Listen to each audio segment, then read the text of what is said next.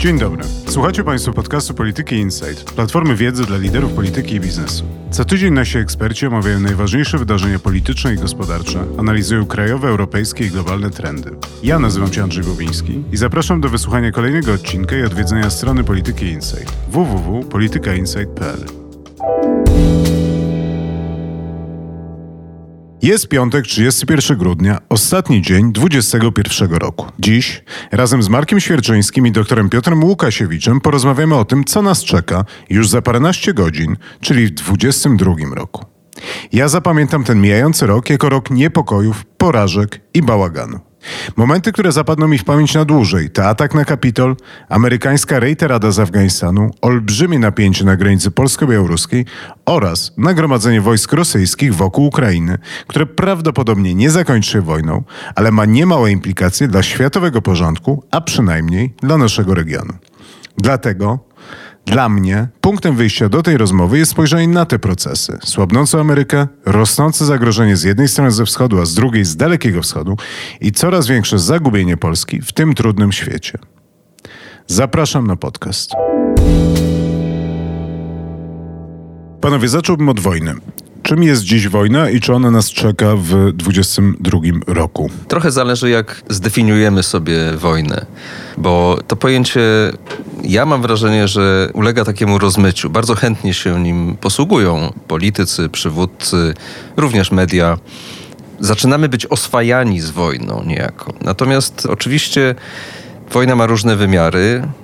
Konflikt może być taki klasyczny, wojskowi mówią kinetyczny, prawda, z użyciem uzbrojenia, czołgów, samolotów. Może być konflikt pomieszany, hybrydowy, zawierający rozmaite elementy oddziaływania, szczególnie tego niemilitarnego.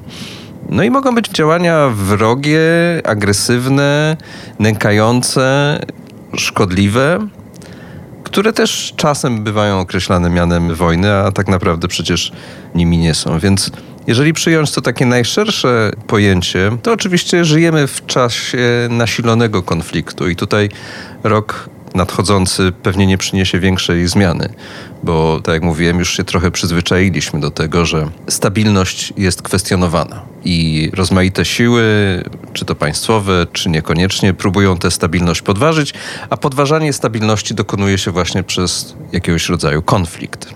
Wziąwszy to wszystko, co Marek powiedział o typach wojny, o jej różnorodności, o niemożności zdefiniowania jej jako czegoś, co by nam groziło, przewiduje, że wojny w 2022 roku nie będzie. Będą konflikty na obrzeżach, będzie wzrost napięć.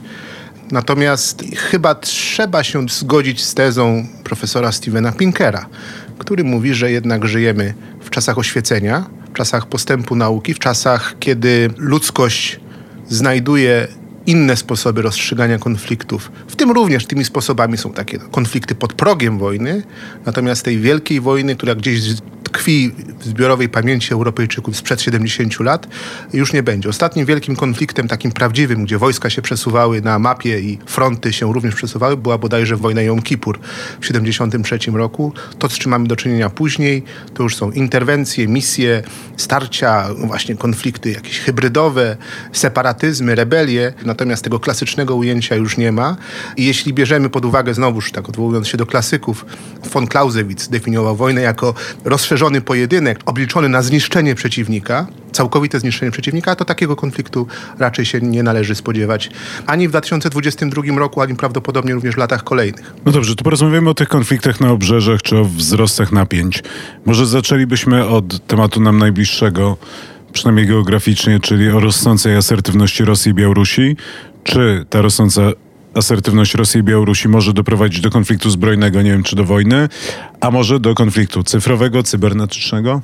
Na pewno przed Władimirem Putinem stoi wielkie wyzwanie, jak poradzić sobie z wyzwaniem, jakim jest utrzymanie władzy i utrzymanie spójności, stabilności jego władzy. I największym zagrożeniem dla tej władzy jawi się w tej chwili internet jawi się to nieumiejętność Rosji do zapanowania nad swoim jakimś przebudzającym się od czasu do czasu, pokazującym się tak zwanym społeczeństwem obywatelskim, które czasami przyjmuje formę protestów na Placu Błotnym, czasami przyjmuje formę takiego harcownika demokracji rosyjskiej, jakim jest Aleksiej Nawalny obecnie, przypomnijmy i upomnijmy się o to w rosyjskim łagrze.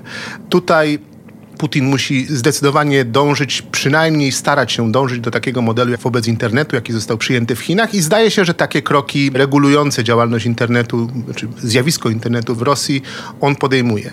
Po chwilowym okresie, kiedy prezydent Biden zwłaszcza pogroził Putinowi za ataki cybernetyczne z pierwszej połowy mijającego już roku, nastąpił okres takiego przygaszenia tych konfliktów. Nie widzieliśmy tych wielkich infrastrukturalnych zapaści firm amerykańskich czy ataków typu ransomware na amerykańskie firmy, co do których źródła podejrzewaliśmy, że są to rosyjscy hakerzy, ale z pewnością to narzędzie jako bardzo efektywne, jako takie, które nie pozwala przypisać sprawstwa bezpośrednio rządowi rosyjskiemu, będziemy mieli pewnie do czynienia z powrotem tego narzędzia i 2022 rok może nam przynieść zaskakujące incydenty w tym wymiarze. Incydenty mogą również być po prostu formą starć zbrojnych, bo nie wolno zapominać o tym, że no, Putin lubi mieć całą paletę środków do dyspozycji i skoro rozwinął tę paletę, rozłożył na stole tę talię, czy też wziął ją w ręce w tym mijającym roku, no to nie ma powodów, żeby ją miał chować w roku nadchodzącym.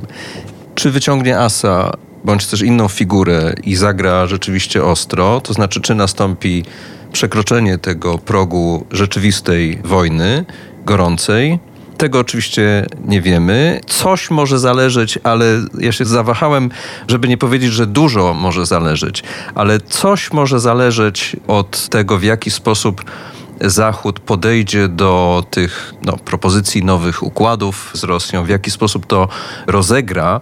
Chodziłoby o takie rozegranie oczywiście, które nie naruszyłoby suwerenności czy też interesów Zachodu, a które pozwoliłoby Rosji poczuć się docenioną no przynajmniej na tyle, by nie musiała właśnie uciekać się do przekraczania tej granicy wojny gorącej.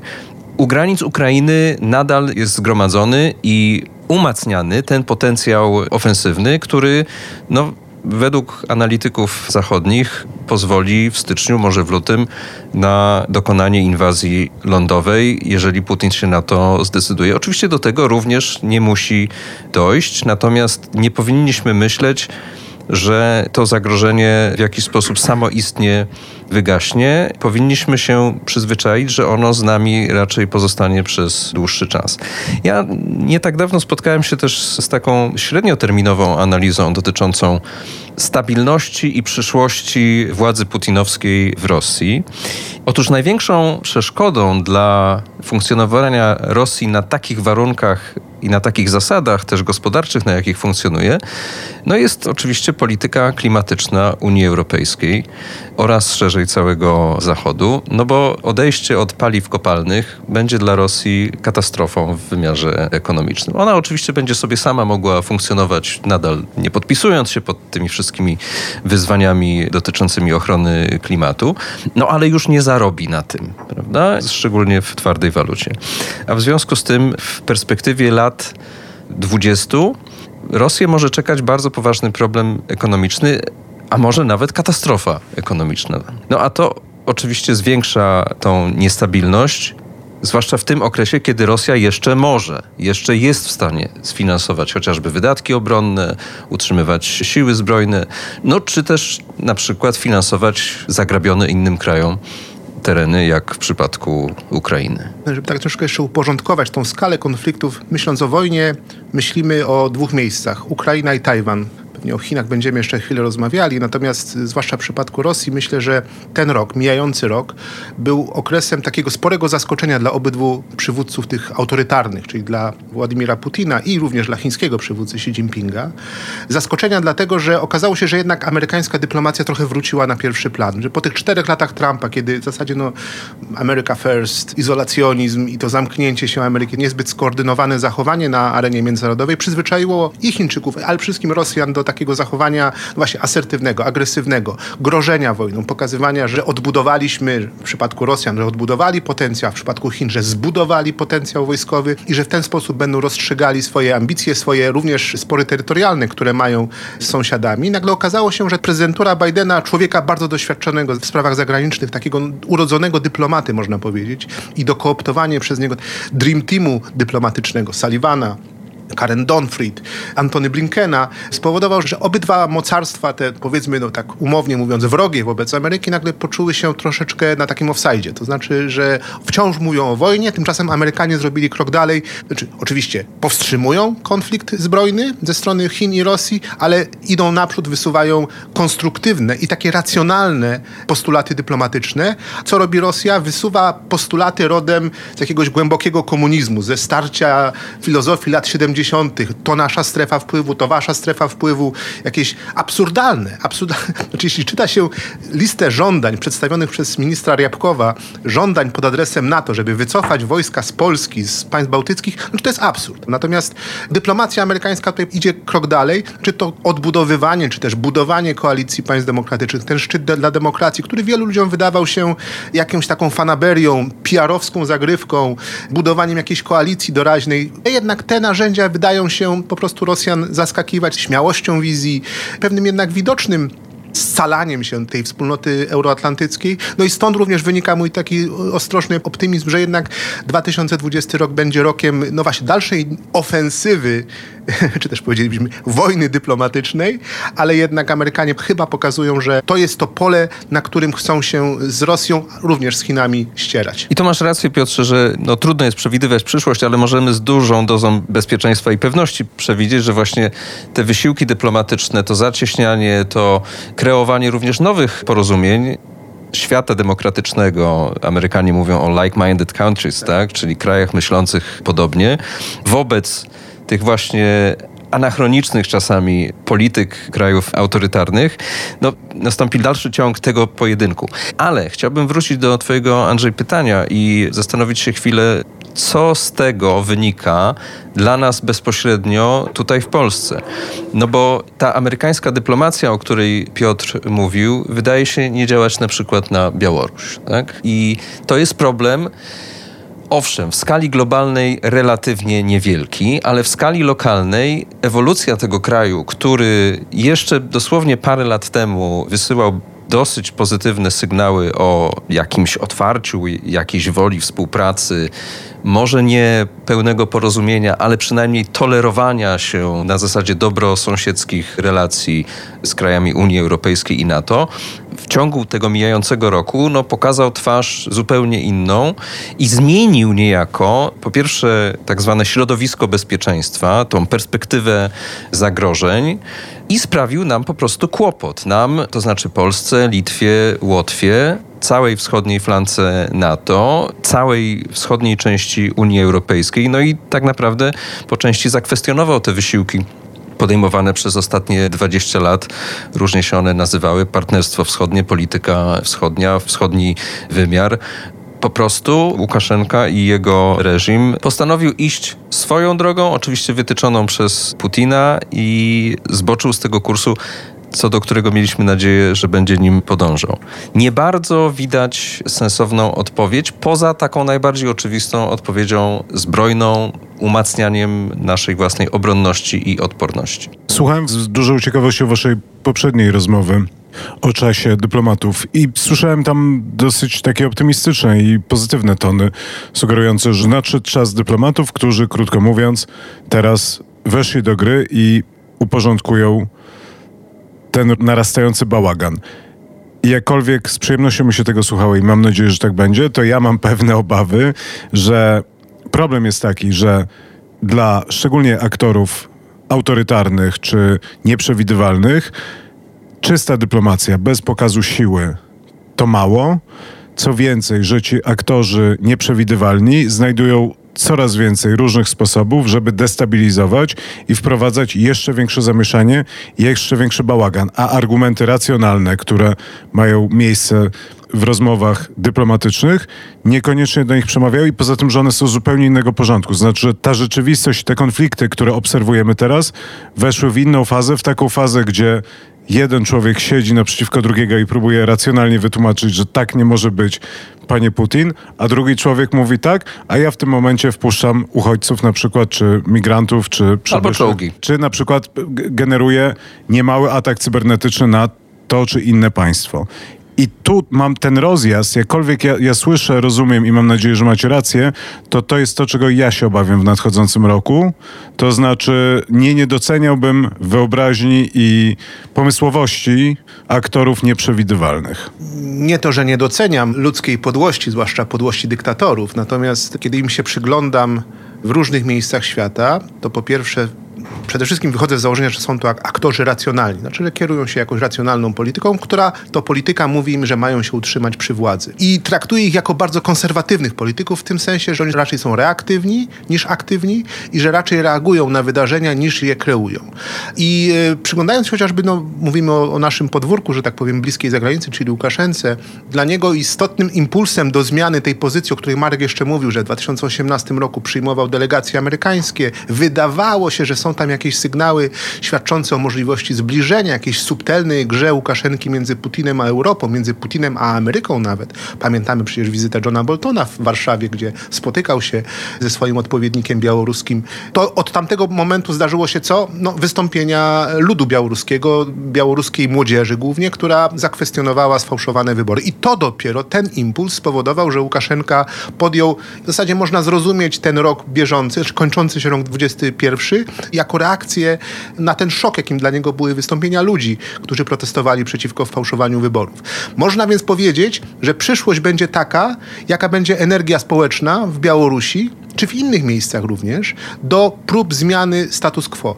Cały czas trzymam się tej mojej tezy, że Łukaszence nie zagraża Polska, że Europa nie zagraża, nawet Ameryka nie ma zdolności do zrzucenia, znaczy tego, żeby opuścił stanowisko swoje przywódcze. Taką zdolność posiada Putin w reakcji na to, co Łukaszenka robi. Ewentualnie jakieś jeszcze większe wystąpienia ludowe młodzieży, demokratów białoruskich, którzy by chcieli zmienić władzę. Więc uznając, że takich wydarzeń nie będzie w Białorusi, bo być może społeczeństwo jest po prostu już zmęczone protestami i po prostu te ich aspiracje demokratyczne zostały stłumione, mogę sobie wyobrazić, że Łukaszenka pozostanie w przyszłym roku aktorem, no właśnie, reaktywnym, konserwatywnym, dbającym o to, żeby po prostu zostać przy władzy. Utrzymać tę władzę do końca, bo jest to, jak mi się wydaje, cecha wszystkich autokratów. Patrzymy tutaj na autokratów europejskich, chińskich, rosyjskich i w wielu miejscach świata. Są to ludzie, którym zależy na utrzymaniu, przede wszystkim na utrzymaniu władzy i czekają na impulsy, które mogą im tej władzy pozbawić i wtedy na nie reagują. Po prostu są za słabymi aktorami, żeby prowadzić politykę aktywną, politykę zmieniającą układ sił wokół siebie. Ten potencjał destabilizacji, o którym mówisz, zależy również od poziomu odporności tych dyktatur, tak? czy też tych reżimów autorytarnych. No weźmy taką Rosję czy Białoruś nie wiemy, a pewnie dużo od tego zależy, jak wielką tą poduszkę finansową Rosja ma w tej chwili zgromadzoną, która pozwoliłaby jej przetrwać przez jakiś czas te sankcje, którymi w tej chwili grozi Zachód, no w przypadku, gdyby zdecydowała się na ten najbardziej radykalny scenariusz i dokonała nowej inwazji na Ukrainę. W przypadku Białorusi, no może być podobnie. Oczywiście jest to dużo mniejszej skali ekonomia, ale widać, że do tej pory aplikowane środki nacisku i też których nasileniem, zaostrzeniem jeszcze poza granice, które do tej pory były stosowane, którymi grozi w tej chwili Zachód, widać, że no do tej pory one nie przynoszą efektu przynajmniej takiego, jaki jest po zachodniej, tej demokratycznej stronie spodziewany. Więc tutaj z jednej strony to jest to, o czym mówił Piotr, czyli ten jakby oddolny potencjał do zmiany. Widać, że nim również te reżimy się za bardzo nie przejmują, bo zarówno w Rosji, jak i na Białorusi nastąpiła no, de facto nie chciałbym powiedzieć unicestwienie, ale, ale bardzo poważne osłabienie tych ruchów społecznych. Brutalnymi metodami, owszem, no ale tam ci dyktatorzy się tym zupełnie nie przejmują, ale również chodzi o to, ile tak naprawdę są w stanie znieść, jeśli chodzi o ten nacisk ekonomiczny, no bo jednak głównym argumentem Zachodu to nie są czołgi i rakiety, ale to są po prostu pieniądze.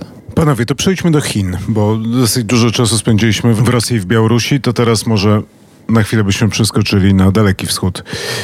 Jak oceniacie, jaka jest temperatura sporu o Tajwan? Czy czeka nas konflikt zbrojny w tamtym obszarze, o czym rozmawialiśmy, wydaje mi się, rok temu. Ciekaw jestem, czy coś się zmieniło od tego czasu. Czy może bardziej czeka nas nasilenie wojny ekonomicznej, gospodarczej ze Stanami z jednej strony, a z drugiej strony z Unią Europejską?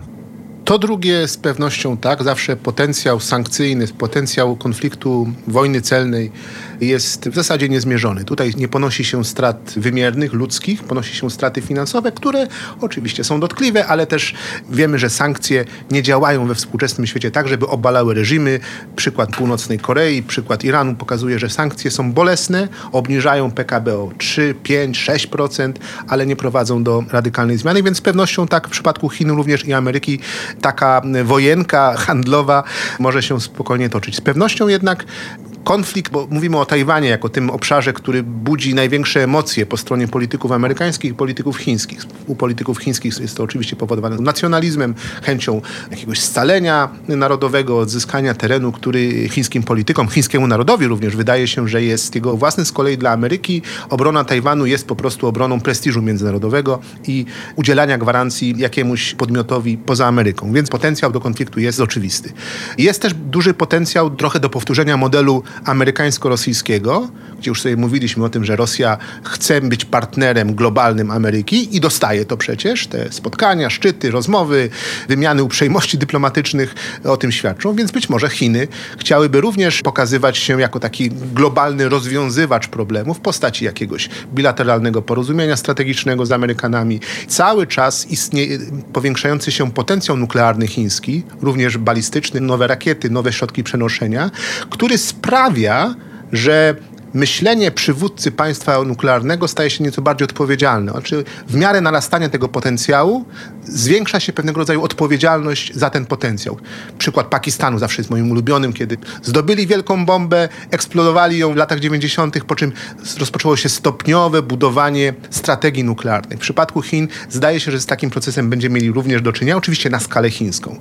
Chiny czekają w tym roku dwa ważne wydarzenia. Kongres Partii Komunistycznej, który będzie już takim kolejnym, ale już jakby kończącym akcentem ugruntowania władzy, no w zasadzie wiecznej, cesarskiej, imperialnej przez obecnego prezydenta, który przecież złamał tradycję partii komunistycznej wymiany przywódców co kadencję, co kilka, kilkanaście lat. Ten kongres ma być dobitnie pokazaniem, że Xi Jinping, przywódca wciąż jeszcze młody, wciąż jeszcze bardzo sprawny, może liczyć na długie, być może nawet dekady rządzenia. Więc jest to też rzecz wymagająca dużej stabilności wewnętrznej, dużej przewidywalności.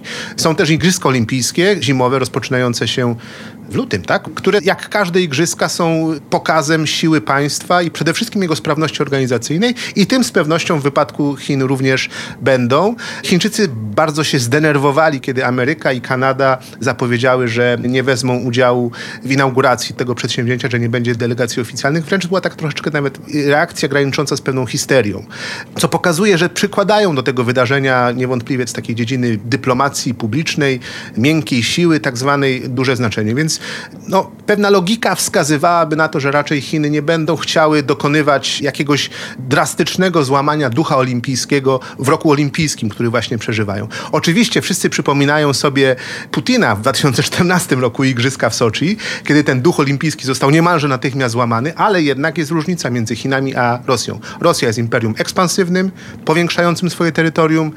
Chiny poza drobnym przypadkiem Tajwanu i drobnym przypadkiem starć granicznych z Indiami są mocarstwem do wewnątrz, skierowanym na umacnianie swojej władzy terytorialnej, a nie jej rozszerzanie. Więc stąd wynoszę raczej przekonanie, że Chiny jeszcze nie dojrzały do drastycznego wojskowego rozwiązania sprawy tajwańskiej. Oczywiście, mówiąc to, potwierdzam, nie wykluczam i jestem przekonany, że będą kolejne prowokacje, będą kolejne przeloty, będą, będą przepłynięcia okrętów wojennych przez cieślinę tajwańską i wszelkiego rodzaju arsenał z użyciem środków wojskowych, który będzie bardzo Tajwańczyków niepokoił.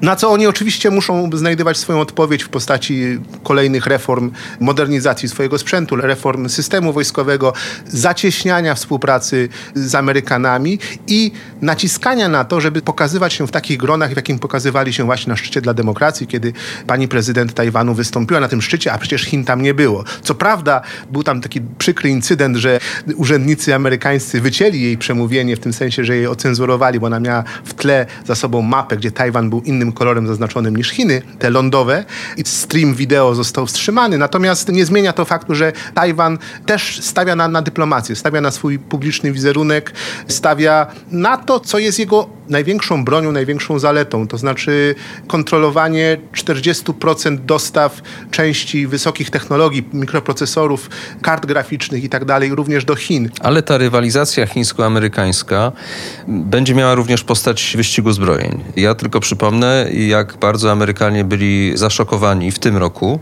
kiedy Chińczycy pokazali tę nową broń hipersoniczną, broń kosmiczną w zasadzie, tak? bo jest to pocisk, który porusza się, no powiedzmy, w pobliżu umownej granicy kosmosu, powyżej atmosfery.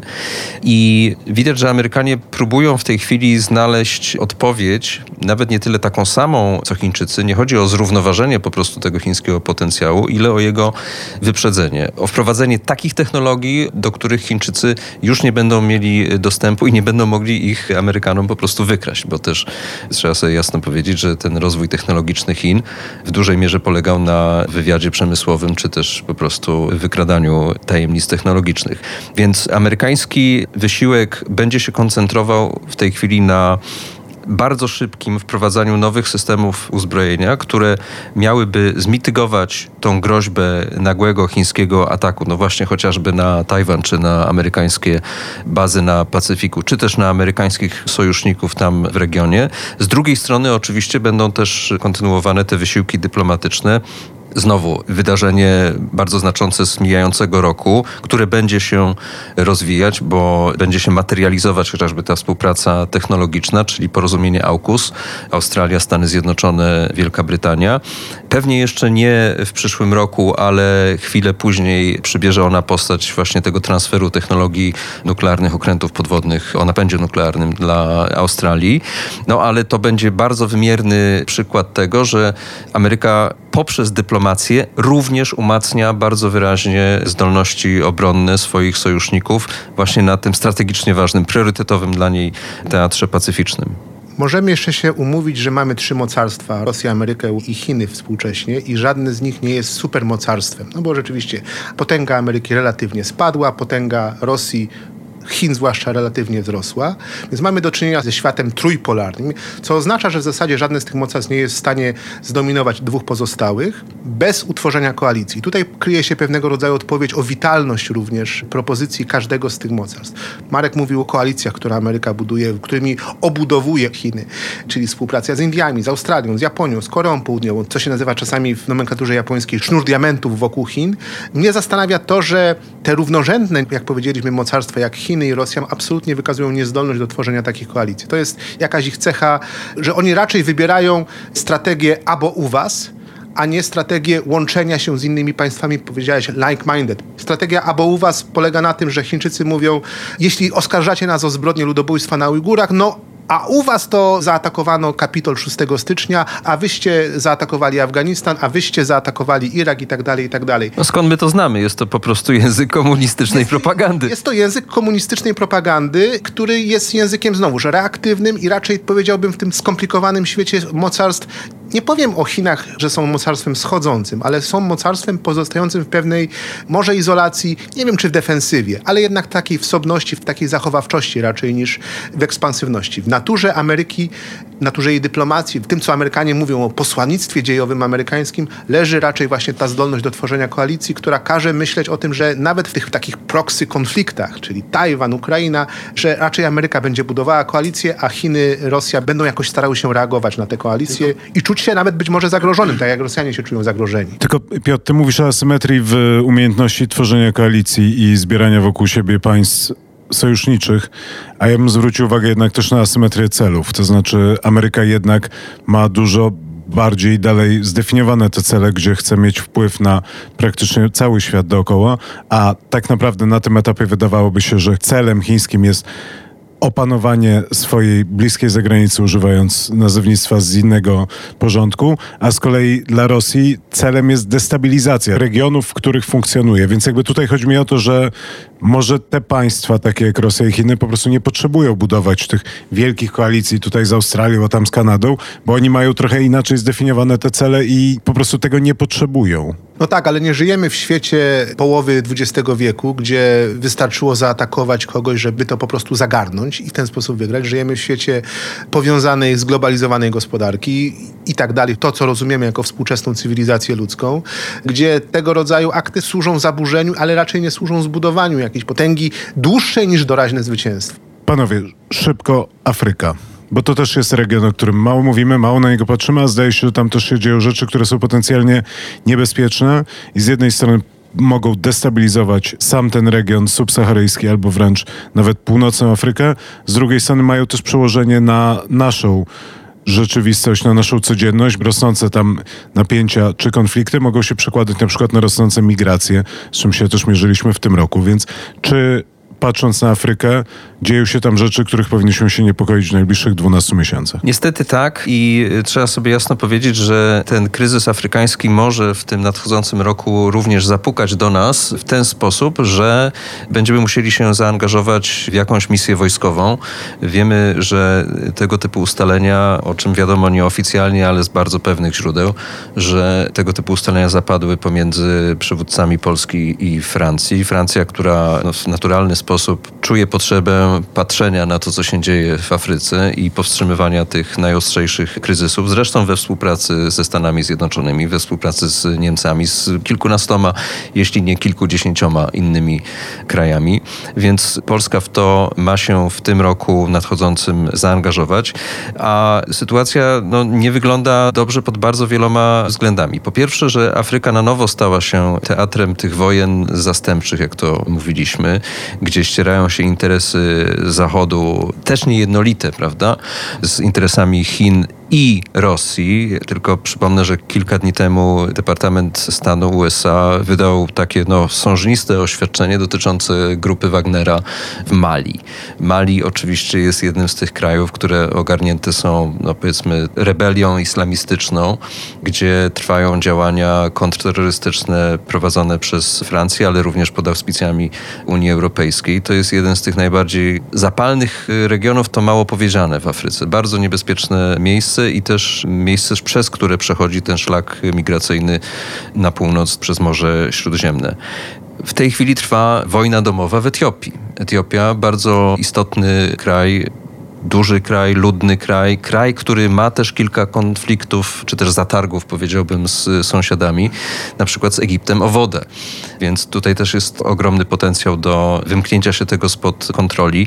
Mieliśmy do czynienia przecież w mijającym roku z atakiem grup islamistycznych bardzo daleko na południu, tak, w Mozambiku. Im dalej na południe w Afryce, no aż do Republiki Południowej Afryki, która jest krajem jednym z najsilniejszych i najsprawniej na warunki afrykańskie zarządzanych, tym słabsze są struktury państwowe, słabsze są struktury sił porządkowych, sił bezpieczeństwa oraz militarne. W zasadzie te kraje, y, żeby przeciwstawić się tym grupom terrorystycznym czy też rebeliantom, muszą wynajmować prywatne firmy, żeby sobie z tym poradzić. Więc widać, że Afryka będzie nadal problemem, no a Wiemy, że w Unii Europejskiej oraz w NATO istnieje grupa krajów, które są niezwykle mocno zainteresowane tym, żeby silniej zabezpieczyć się przed tymi wszystkimi ryzykami, które niestabilność w Afryce niesie. I ta dyskusja o tym dookulnym wymiarze NATO z uwzględnieniem kierunku południowego będzie się oczywiście w nadchodzącym roku toczyć, zwłaszcza, że prezydencja francuska w Unii Europejskiej, która zaczyna się w pierwszej połowie roku, stawia sobie kwestię bezpieczeństwa jako jeden z priorytetów i na pewno będzie zmierzała do tego, żeby zaktywizować sojuszników nie tylko w Unii, ale również w NATO, żeby jakby mocniej i w wielonarodowy sposób zaangażować się w Afryce. Jeszcze wrócę tylko na moment właśnie do tej operacji Barkany, którą Francja prowadzi. Kilka miesięcy temu prezydent Macron stwierdził, że właśnie będzie dążył do umiędzynarodowienia tej operacji, no i zapewne w nadchodzących miesiącach do tego hasła wróci i będzie je próbował wcielić w życie. Ja czekam na pivot do Afryki. Żeby któreś z mocarstw, czy to będzie Ameryka, czy Unia Europejska, zdecydowały się dostrzec w Afryce potencjał zarówno destabilizujący w następnych dekadach, związany nie tylko z terroryzmem czy z jakimś istnieniem ruchów rebelianckich, które przecież są nie źródłem kłopotów, ale są ich objawem, są ich wynikiem. A kłopoty są następujące. Kłopoty są z rolnictwem afrykańskim, z demografią afrykańską, z pustynnieniem tego kontynentu i masowymi wędrówkami ludności, głównie na tą dostatnią północną półkulę. Taki pivot, czy też taką strategię afrykańską proponował George Bush młodszy, junior, na początku lat 2000, w pierwszych miesiącach swojej prezydentury, kiedy zaproponował taką strategię walki z AIDS w Afryce i to rzeczywiście był bardzo duży wysiłek dyplomatyczny amerykański, nowe ambasady, dofinansowane ambasady, które miały walczyć z tą wielką pandemią na początku XXI wieku. Oczywiście wiemy, że 11 września i zwrot ku terroryzmowi wszystkiemu zaprzeczył. Taki pivot robili też Chińczycy, ale to był pivot, powiedziałbym, kolonialny, to znaczy polegający na, cóż tu dużo mówić, próbie położenia ręki na zasobach naturalnych państw afrykańskich.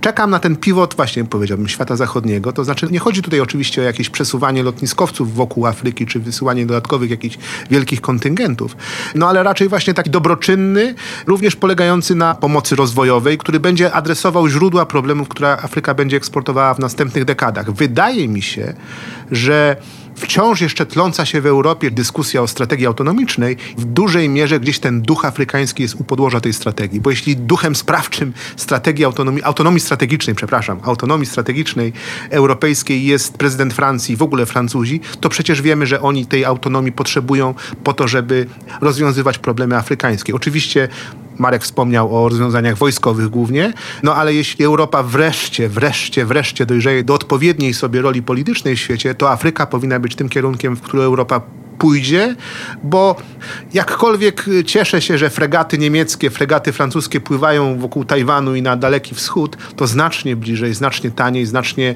korzystniej byłoby pójść w kierunku afrykańskim. No ale to jest moje marzenie na dekadę, być może nie na ten rok. Chciałem ci tylko powiedzieć, że często na Zatoce Gwinejskiej pojawia się fregata duńska. O! Wikingowie w Afryce. To jest Tylko coś. ja mam poczucie, że my w różnych tematach prowadzimy tę samą rozmowę, więc ja się powtórzę. Ja mam poczucie, że inwestycja w stabilizację i w dobrobyt i w rozwój gospodarczy Afryki to jest olbrzymia inwestycja i bardzo niepewnej stopie zwrotu, takiego polityczno-geopolitycznego. Natomiast eksport problemów, niepewności i bałaganu jest dosyć tani i dosyć pewny. I rozumiem, że problem z Afryką, poza wszystkim innym, jakkolwiek kibicuję temu celowi, który wyznaczyłeś, rozumiem, na następną dziesięciolatkę, ale tak jak ja to widzę, problem jest taki, że dużo łatwiej jest wprowadzić tam niskim kosztem bałagan, niż olbrzymim kosztem próbować zaprowadzić porządek. Jednym słowem przeciwstawiasz doraźność strategią.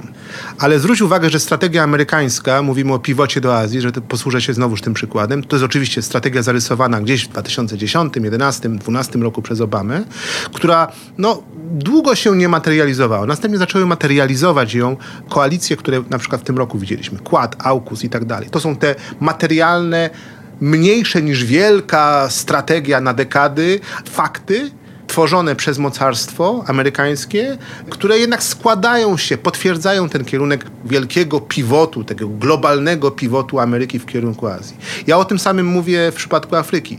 Nie chodzi o to, żeby się zebrał szczyt przywódców europejskich, którzy powiedzieli, no tak, teraz idziemy na Afrykę. To oczywiście będzie miłym gestem, ale tylko i wyłącznie pozostanie gestem. Więc jeśli na to złożą się takie inicjatywy, o których mówi Marek, wojskowe, operacje stabilizujące, ale również inwestycje, konkurencja z Chinami. No gdzie Europa ma z tymi Chinami konkurować, jak nie w Afryce? Joe Biden namawia nas od początku swojej prezydentury, idźmy razem przeciwko Chinom. No przecież nie pójdziemy na Chiny. Francuzi wysłali fregatę, Brytyjczycy chyba jakąś grupę, lot, grup, grupę lotniskową. To wciąż są orzeszki. Na Chiny nie pójdziemy razem z Ameryką. Możemy iść na Chiny, właśnie tutaj na tym podwórku afrykańskim, do pewnego stopnia również bliskowschodnim, ale zwłaszcza Afryka wydaje się tutaj interesującym, bardzo pobudzającym do działania obszarem starcia Europy z Chinami tym razem. Jeszcze jedno źródło niepokoju, aczkolwiek takie, któremu mniej się przyglądaliśmy w ostatnim czasie, a o którym mówiliśmy bardzo dużo rok temu, to jest Iran. Mam poczucie, że Iran zniknął z pierwszych stron gazet, z drugiej strony jednak patrząc na ten Iran, nie wydaje się, żeby dyplomacja amerykańska, którą tak chwalisz Piotrze, tutaj dużo zdziałała i zawojowała. Jak wygląda sytuacja na odcinku irańskim i czy tutaj spodziewałbyś się raczej spokoju, czy jednak narastających niepokojów? Przede wszystkim oczekiwałbym powagi od dyplomacji irańskiej. Odbyło się w pierwszej połowie tego roku, przed lipcem, odbyło się pięć rund rozmów w Wiedniu. Dyplomatów europejskich, rosyjskich, chińskich, amerykańskich również, którzy gdzieś siedzieli w jakimś osobnym hotelu. Rosjanie krążyli między Irańczykami a Amerykanami, przenosili sobie różne informacje na fiszkach i tak się Amerykanie z Irańczykami komunikowali. Ale jednak zawarto tam jakieś porozumienia. Przynajmniej ustalono, w jaki sposób można popychać proces odnawiania porozumienia nuklearnego do przodu. Irańczycy w swojej mądrości zdecydowali, że wybiorą Ibrahima Raisiego, nowego prezydenta, który w lipcu został przywódcą irańskim. I od tego momentu Tydzień temu znowu się dyplomaci spotkali. Irańczycy powiedzieli, że no, nie honorujemy w zasadzie ustaleń poczynionych w pierwszej połowie tego roku. To jest niepoważne. To jest po prostu niepoważne z takiego negocjacyjnego, fachowego, warsztatowego punktu widzenia. Więc najpierw trzeba byłoby, żeby Irańczycy no przede wszystkim poważnie zaczęli traktować te negocjacje. Jeśli oczywiście chcą je doprowadzić do jakiegoś korzystnego dla siebie rozwiązania, a korzystnym rozwiązaniem byłaby jakaś forma łagodzenia sankcji. Oczywiście im dłużej trwa ten proces, tym więcej wzbogaconego uranu, jeszcze nie wojskowo wzbogaconego, ale już do poziomu 20-25% zawartości pierwiastków, takich no powiedzmy mających bojowe zastosowanie, już został osiągnięty. Trwa ten proces wzbogacania. Iran pogodził się z sankcjami i pogodził się z kryzysem ekonomicznym, który próbuje sobie niwelować współpracą, eksportem ropy przede wszystkim do Chin. I e, no, wydaje się Irańczykom, że no, w zasadzie, że można będzie tak dłużej grać. Oczywiście no, wymaga to pewnie, znowuż, zmiany podejścia strony amerykańskiej. Już nie mówienia, że odnowimy porozumienie, które podpisaliśmy w 2000 2015 roku, które, uwaga, w 2024 roku jego zapisy, te z 15 roku będą się już kończyły. W zasadzie zbliżamy się do roku, kiedy podpisane porozumienie, przynajmniej jego części, przestaną już obowiązywać. Więc Amerykanie muszą zmienić to podejście takie całościowe, takie all-in, że albo podpisujemy, albo nie podpisujemy, na porozumienie takie bardziej elastyczne, że podpisujemy jakiś fragment, odnawiamy fragment obowiązywania JCPOA w zamian za jakieś drobne ustępstwa ekonomiczne i tego można byłoby się spodziewać w następnym roku i e, oczekiwać również, znaczy Irańczycy bardzo boją się tego, że dla Amerykanów odnowienie porozumienia nuklearnego oznaczać będzie również, że będą musieli zaprzestać swoich konwencjonalnych działań w regionie, że będą musieli wycofać się z Jemenu politycznie, że będą musieli zaprzestać wspierać reżim Al-Assada w Syrii i tak dalej, i tak. Czyli destabilizować w takim konwencjonalnym wymiarze Bliski Wschód, tak jak to zwykli robić w ostatnich pięciu, no może dziesięciu latach. Być może Amerykanie powinni zasygnalizować, że nie są zainteresowani niczym więcej niż tylko tym bardzo wąskim rozumieniem, czyli zaprzestajecie wzbogacać uran i o nic więcej nam nie chodzi.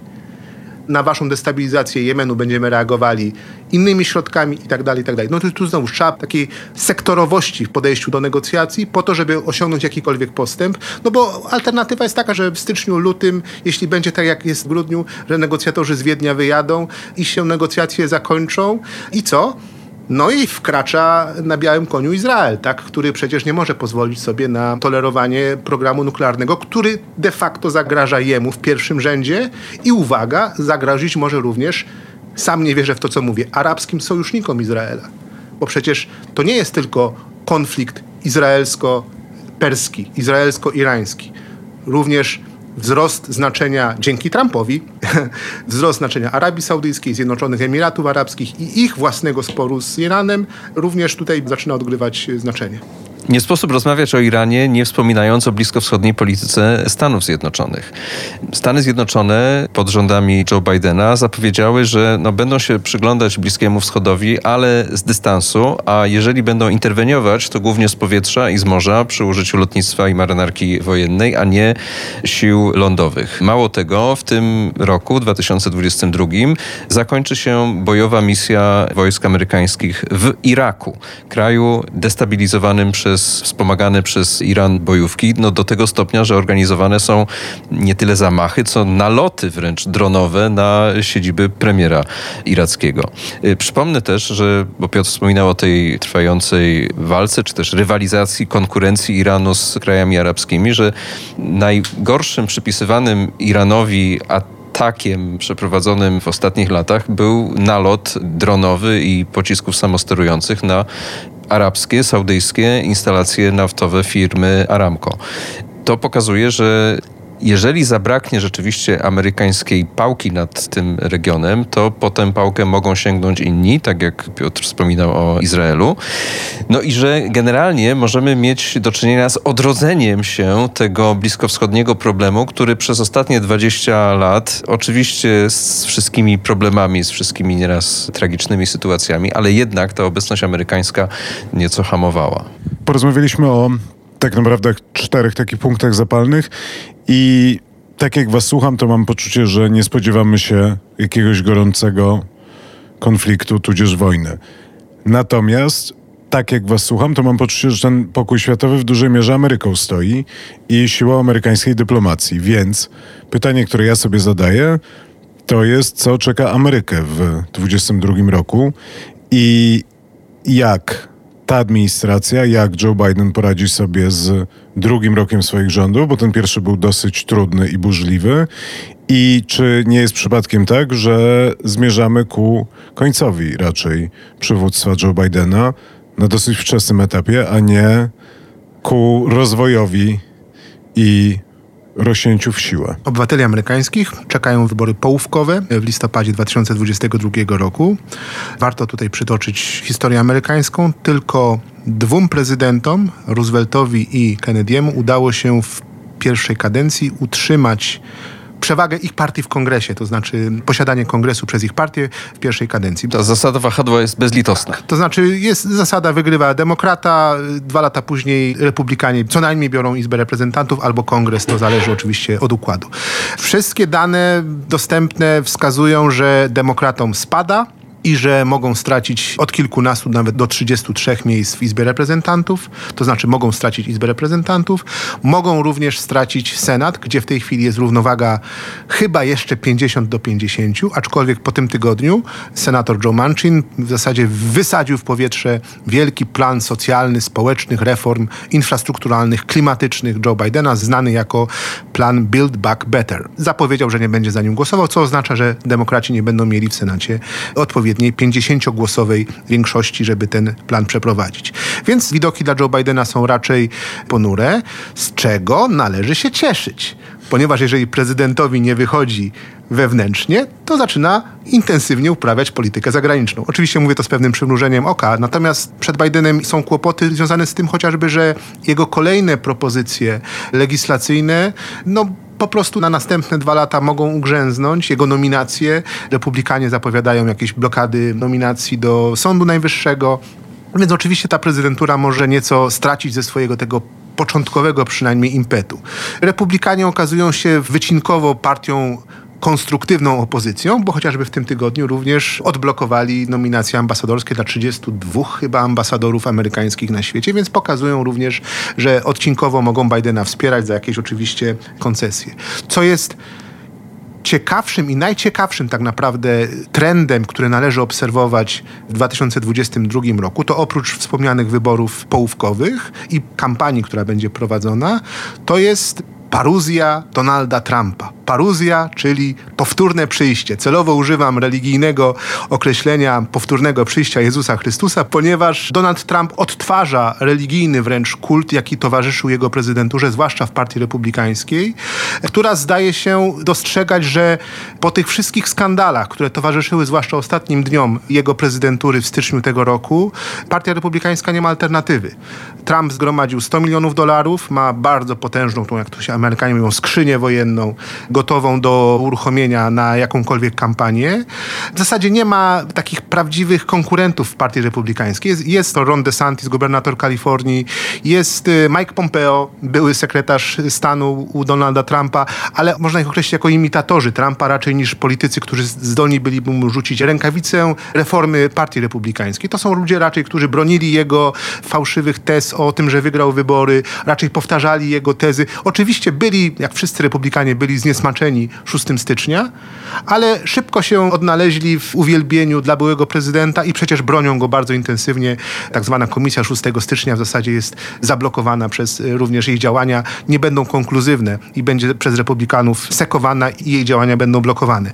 Więc tak naprawdę najciekawsze jest to, jak Trump, któremu chyba tylko może, nie wiem, stan zdrowia zagrozić jego ambicjom, jak zacznie się przygotowywać do 2024 roku, bo wtedy będą wybory, jak sobie zorganizuje poparcie Partii Republikańskiej i możemy się zetknąć z sytuacją, kiedy no, słabe jednak notowania prezydenta Bidena, które jak się domyślamy w sytuacji utraty kongresu będą jeszcze słabsze. W tej chwili jego poparcie średnie to jest bodajże 43 albo 44%, więc takie przeciętne powiedziałbym jak na przeciętnego prezydenta, czy one zderzą się z jakąś mobilizacją ludu republikańskiego wśród amerykańskich wyborców i czy amerykańscy wyborcy uznają, że Trump jest właściwą odpowiedzią na tą nieco kulejącą dalszą prezydenturę Bidena. No i to niestety rodzi efekty jeszcze zanim te wybory nastąpią, bo można powiedzieć tak, że na kilka miesięcy przed tymi wyborami Biden i jego ludzie będą już tak zajęci walką wyborczą, że pewnie nie będą mieli serca ani czasu, ani ochoty zajmować się niczym innym, w tym resztą świata. Tak? Więc tutaj tego typu ograniczenia należy mieć w perspektywie. Po drugie, jeżeli rzeczywiście demokraci przegrają te wybory, no to po pierwsze prezydent w połowie swojej kadencji znajdzie się w stanie, który określamy mianem kulawej kaczki, który z reguły dotyczy już końcówki po przegranych wyborach. Nawet jeżeli w sposób formalny jego kompetencje nie ulegną żadnemu ograniczeniu, no to w sposób polityczny będzie po prostu człowiekiem przegranym, a również będzie miał problemy z legislaturą w tym sensie, że nie będzie mógł chociażby narzucić swojej wizji budżetu, prawda? A z tego wynikają rozmaite konkretne narzędzia oddziaływania, również zagranicznego, chociażby poprzez siły zbrojne.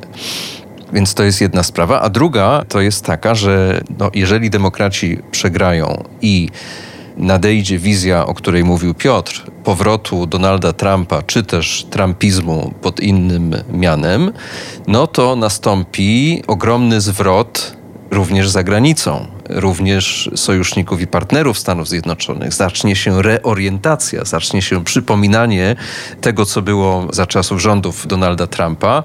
No i oczywiście dla takiego kraju jak nasz to będzie miało olbrzymie konsekwencje. A powiedziałbym, że może się zdarzyć jeszcze coś gorszego, bo w tej chwili, jak się czyta analizy socjologiczne dotyczące stanu społeczeństwa amerykańskiego, to tam podkreśla się, że jest to stan przed wybuchem że nigdy wcześniej, no w ciągu ostatnich kilkudziesięciu lat, nie było takiego potencjału do rebelii wewnętrznej w Stanach Zjednoczonych. Jest olbrzymia grupa ludzi, przypomnijmy, że uzbrojonych ludzi, prawda, bo powszechność broni w Stanach jest ogromna, największa na świecie, którzy deklarują, że są w stanie po tę broń sięgnąć, jeżeli bieg wypadków politycznych okaże się drastycznie nie po ich myśli. Czytaj, jeżeli na przykład powezmą przekonanie, że wybory zostały znowu, w cudzysłowie, ukradzione, tak? Czyli scenariusz wygranej demokratów może być równie ryzykownym, co scenariusz ich przegranej jak to Marek powiedział, to się trochę uśmiecham, bo bardzo podobna sytuacja jest w Ameryce, co i w Polsce. To znaczy ogromnej polaryzacji i takiego zjawiska nieprzechodzenia z obozu do obozu. Nie ma tej możliwości, że republikanin na przykład powie sobie, no tak, ale ten Trump kłamał, doprowadził do tej wielkiej katastrofy 6 stycznia, więc no, demokraci wydają się bardziej propaństwową siłą. Nie ma takiego zjawiska przechodzenia. 80% wyborców republikańskich dalej wierzy, że Trump wygrał wybory, w związku z tym wydarzenia 2021 roku były sfałszowane przez demokratów. Tego przechodzenia nie ma, na co zresztą wskazują również takie cząstkowe raporty, chociażby niedawno mi wpadł w ręce raport Centrum Antyterrorystycznego FBI, które wskazuje, że znowuż odtwarza się ten potencjał tak zwanego white supremacy, domestic terrorism, czyli terroryzmu powodowanego przez białych mężczyzn, którzy z powodów rasowych, z powodów religijnych, dostępu oczywiście do broni, do materiałów wybuchowych, mogą łączyć się w milicje takie zbrojne i przygotowywać napaści terrorystyczne. Więc oczywiście ten potencjał wybuchu jest ogromny.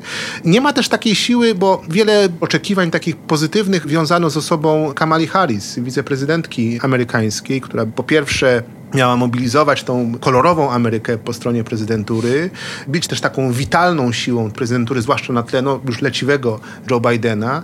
Tymczasem okazało się, że ona gdzieś została trochę zepchnięta przez prezydenta na nieprzyjemne odcinki, typu spór graniczny o migrantów na granicy z Meksykiem, jakieś sprawy takie trochę szare, można powiedzieć, rasowe, które nie sprawiają, że ona może w pełni wykorzystać swój potencjał do tego, żeby wzmocnić demokratów jako blok cały.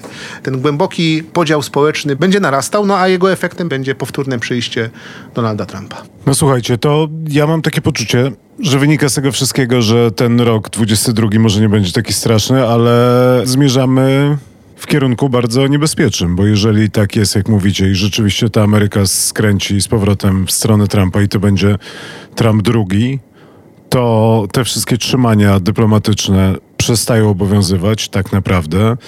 Donald Trump pokazał w pierwszej kadencji, że z dyplomacją jest mu średnio po drodze i że ogólnie ta dyplomacja amerykańska działała dziwnie, mówiąc delikatnie, a potencjał do rozpędzania się różnych konfliktów, o których rozmawialiśmy w pierwszej części, jest niemały.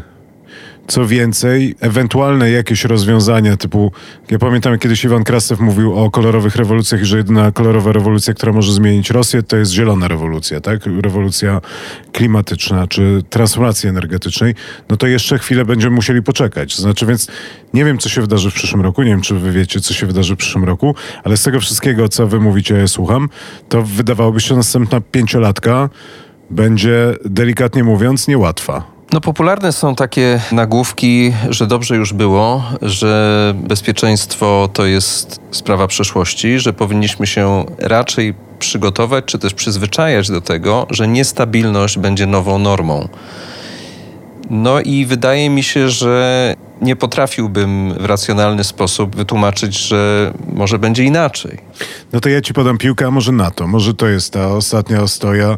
Tylko pytanie, czy w NATO istnieje życie pojęcie Stoltenbergu? No więc to jest rzeczywiście jakaś ostoja. Nie wiem, czy jedyna, no bo jednak uczestniczymy w innym również wielonarodowym forum współpracy, jakim jest Unia Europejska odpukać. No i rzeczywiście widać, że obie te instytucje przez ten kryzys pandemiczny dostały takiego nowego wigoru. Oczywiście na początku masa była krytyki po części uzasadnionej, jak one się zachowują, ale teraz widzimy, że ruszyły do przodu również w takich obszarach, które mają dla nas takie praktyczne, dosyć nieprzyjemne skutki, no bo przecież pakiet Fit for 55 będzie miał kolosalne konsekwencje ekonomiczne, które pewnie odczujemy również w naszych kieszeniach. Ale wracając do NATO, to będzie niezwykle istotny rok dla NATO, nie tylko poprzez ten formalny proces przyjmowania i zatwierdzania nowej koncepcji strategicznej, ale tak jak wspomniałeś, odejdzie niezwykle zasłużony, wybitny sekretarz generalny Jens Stoltenberg, który stał na czele NATO no w zasadzie od kryzysu roku 2014. Co prawda on objął stanowisko w październiku, ale przyglądał się temu wszystkiemu i jego kadencja została wydłużona no, głównie z tego powodu, że po prostu okazało się, że jest właśnie tym jednoczycielem Zachodu i tchnął takie nowe życie w sojusz. Na to będzie musiało odpowiedzieć na kilka bardzo istotnych pytań. No przede wszystkim na to, jak widzi swoją rolę na świecie pomiędzy Chinami, Rosją, Stanami Zjednoczonymi, a tymi wszystkimi innymi problemami, o których przed chwilą mówiliśmy, które formalnie leżą poza granicami NATO, ale przecież oddziałują na jego, że tak powiem, miękkie podbrzusze, na tą sferę bezpieczeństwa otaczającą kontynent europejski, za które to NATO wprost odpowiada. Więc to będzie niezwykle ciekawy, niezwykle istotny, brzemienny w skutki rok.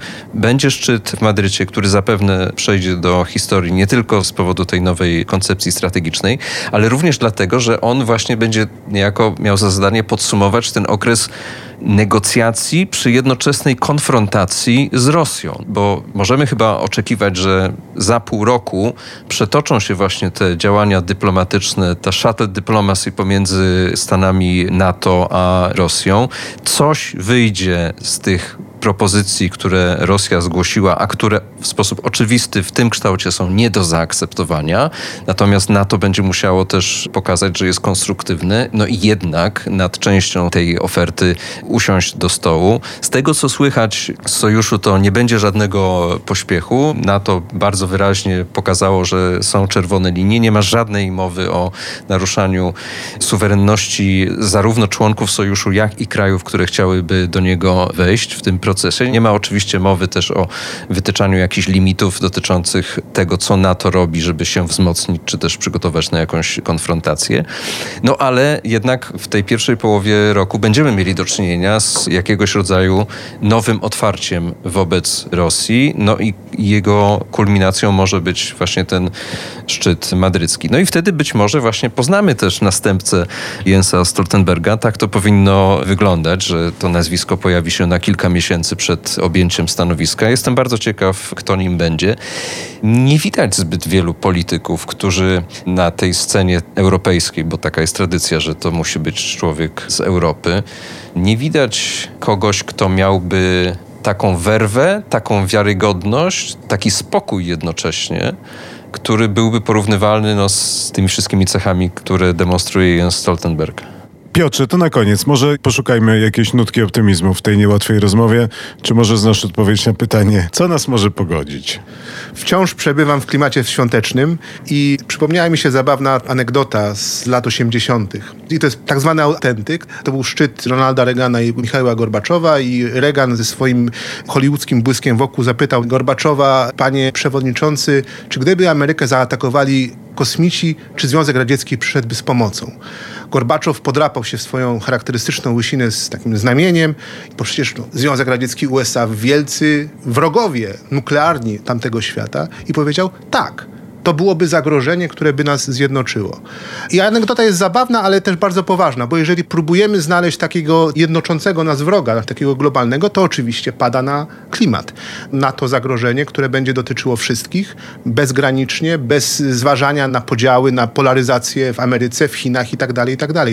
Rozpoczyna się dekada, która będzie dekadą walki o klimat. Więc to jest coś, co nas może połączyć, co może być nie tylko impulsem politycznym, może być impulsem ekonomicznym, o tym, o tym również wiemy. No ja muszę znowu niestety uderzyć w tony pesymistyczne. Znaczy to jest okres i czas olbrzymiej przemiany, a ta przemiana, ta transformacja spowoduje, że jedni wygrają, a drudzy przegrają. A niestety dotychczas ludzkość uczyła nas, że w takich sytuacjach, w których ktoś wygrywa, a ktoś przegrywa, to bywa częściej niż rzadziej, że robi się bardzo nieprzyjemnie. Ja bym chciał powiedzieć, że jesienią przyszłego roku przekonamy się, czy Ziemia jest zdolna się obronić. Bo będzie to rok od startu takiej misji kosmicznej, która nazywana jest testem systemu obrony planetarnej. Polega to na tym, że Amerykanie wysłali sondę, która ma uderzyć w asteroidę bagatela odległego 11 milionów kilometrów sprawdzić, czy jest w stanie zmienić jego kurs. Chodzi o to, żeby sprawdzić, czy Ziemianie, my wszyscy, mamy narzędzie obrony przed grożącą nam katastrofą kosmiczną, która statystycznie pewnie kiedyś nastąpi. Czyli tak, ty wierzysz w klimat, że to jest coś, co nas może połączyć. Ja niezmiennie jestem ogólnie tutaj siedzę i narzekam, a Marek wierzy w asteroidę, która jest jedyną naszą szansą na przeżycie na tej planecie. I z tym chyba Państwa musimy zostawić i życzyć dobrego 2022 roku, no i lat następnych, bo trochę wyszliśmy poza tą perspektywę najbliższych 12 miesięcy. Dziękuję bardzo. Dziękuję panowie. Dziękuję. Dzięki. Na dziś to już wszystko. Zapraszam w przyszłym tygodniu na kolejny odcinek podcastu Polityki Insight. W międzyczasie odwiedźcie naszą stronę internetową www.politykainsight.pl. Do usłyszenia.